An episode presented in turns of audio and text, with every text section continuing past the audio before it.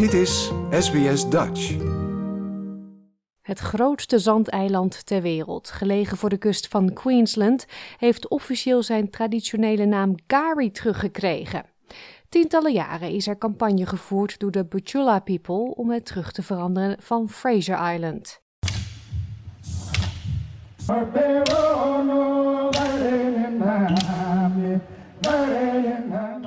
Het was een ceremonie die werd bijgewoond door honderden traditionele eigenaren en overheidsfunctionarissen om de traditionele indigenous naam terug te geven.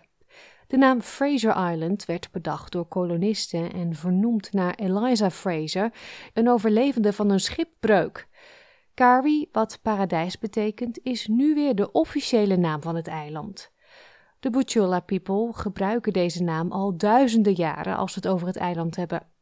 De naamswijziging wordt door velen gezien als het rechtzetten van een historische fout. Way back in the first time, Biril, the god who lived in the sky, sent messenger Yindinji down to make the land and other things. Gari is spiritual created. Dat was Auntie Gail Minneken, die vertelt over de oorsprong van Gary voordat het in de jaren 1830 Fraser Island genoemd werd. De naam was een eerbetoon aan de Schotse Eliza Fraser die daar schipbreuk leed. De naam werd door het Butchella-volk cultureel ongepast geacht, aangezien Eliza Fraser een nu ontkracht verslag schreef waarin aboriginals werden afgebeeld als barbaarse, cannibalistische wildenaren. 191 years people have been told this place is called Fraser Island.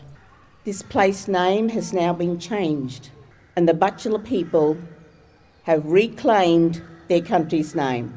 And as it was in the beginning and ever shall be, Gari. De regering van Queensland vroeg vorig jaar augustus de gemeenschap om feedback over het idee om de naam van het eiland, dat op de werelderfgoedlijst staat, officieel te wijzigen. Ze ontving bijna 6000 reacties, waarvan de meerderheid voor de naamswijziging was.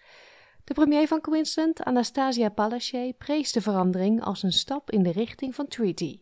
Acknowledging the wrongs of the past in order to build a better, brighter future. In the spirit of reconciliation, we can move forward with mutual respect, recognition, and a willingness to speak and hear the truth of our shared history. One of the ways we can support this commitment to statewide truth telling and healing is by restoring Indigenous language place names. De regering van Queensland keurde vorige maand de Path to Treaty-wet goed, die stappen naar verzoening tussen First Nations people en de regering van Queensland bevordert.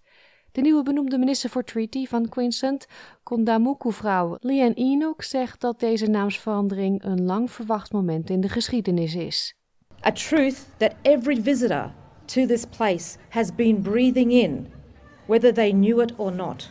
Today, all of us can now benefit from the reconciled truth of what this place has always been called Gari.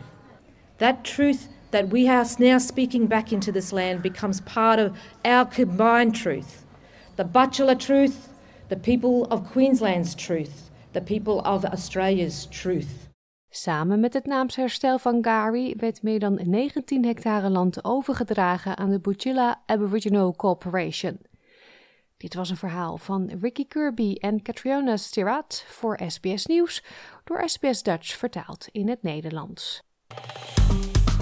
Like, deel, geef je reactie. Volg SBS Dutch op Facebook.